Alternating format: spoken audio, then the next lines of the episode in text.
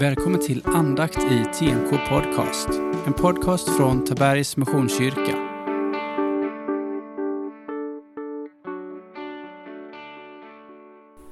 Jesus pekar ut förrädaren. Vi läser från Johannes evangeliet 13, verserna 18 till och med 30. Jag talar inte om er alla. Jag vet vilka jag har utvalt.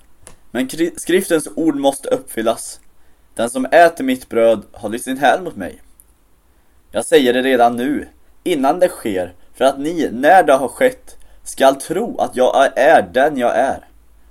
Sannerligen, jag säger er, den som tar emot någon som sänder mig, han tar emot mig. Och den som tar emot mig, han tar emot den som har sänt mig. När Jesus sa detta skakades han i sitt innersta och vittnade Sannerligen, jag säger er, en av er kommer att förråda mig. Hans lärjungar såg på varandra och undrade vad man menade. En av dem, den som Jesus älskade, låg inte honom. Simon Petrus gjorde tecken åt honom att fråga Jesus vem han talade om. Lärjungen lutade sig bakåt mot Jesu bröst och sa Herre, vem är det? Jesus svarade Han som får brödet som jag nu doppar. Och han doppade brödet och gav det åt Judas, Simon Iskariots son. När Judas hade fått brödet for Satan in i honom. Jesus sa Gå gör genast det du ska göra. Ingen av dem som var med vid bordet visste varför han sa detta till honom. Eftersom Judas hade hand om kassan trodde några att kanske Jesus hade sagt åt honom att köpa vad som skulle till högtiden. Eller ge något åt de fattiga. Men Judas tog brödet och gick genast ut. Det var natt. Varje saga behöver sin hjälte. Den som kliver in när allt annat verkar peka åt att det är kört. Men den har också sin skurk, eller skurke the bad guy. Judas i det här fallet. En av de tolv som vandrat med Jesus de här åren. Precis som i sagorna så är det inte de onda härskarna, den elaka häxan eller vad annat man kan kämpa mot som får det att riktigt skaka i sitt innersta. Som den här texten uttrycker. Nej, det är den man trodde att man kunde lita på som visar sig vara något helt annat. Den, den man har skrattat med visar sig en annan sida som gör att allt förändras.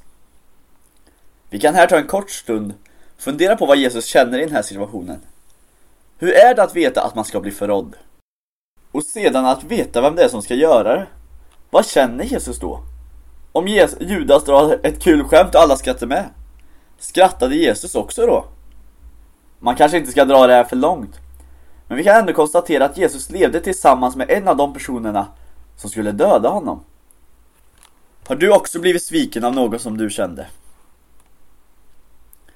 Jag tror att det kan skapa hål i sitt innersta att bli sviken. Framförallt om det är någon man trodde att man kunde lita på. Vi har här nu i texten kommit fram i andra halvlek av evangelierna.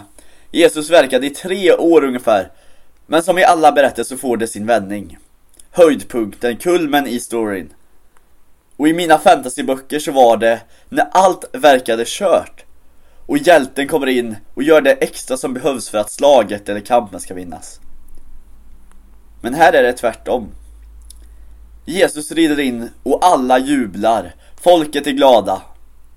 Och så några dagar senare så ropar de att de ska korsfästa honom. Alla sviker honom. Vi har här en Gud som är stor och förunderlig och som har skapat världen. Men samma Gud väljer också att bli människa.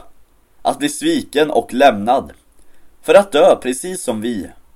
Men för vår skull så kan vi också få spegla Jesus i oss själva. I de här känslorna. Av besvikelse, av sorg och tomhet. För Jesus han har varit med även i de känslorna. Han vet hur det är att bli sviken, att bli lämnad. Vi ber. Ja, Herre, tack för att du blev människa precis som oss. Att du valde att dö, sviken av alla för vår skull.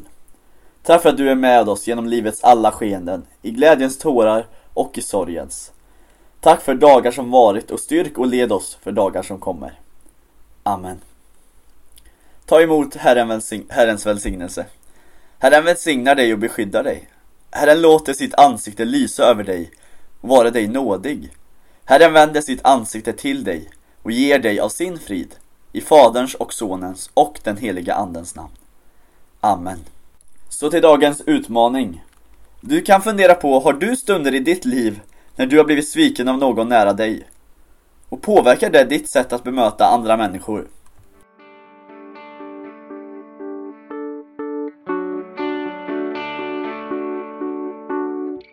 Du har lyssnat på andakt i TMK Podcast. En podcast från Tabergs Missionskyrka.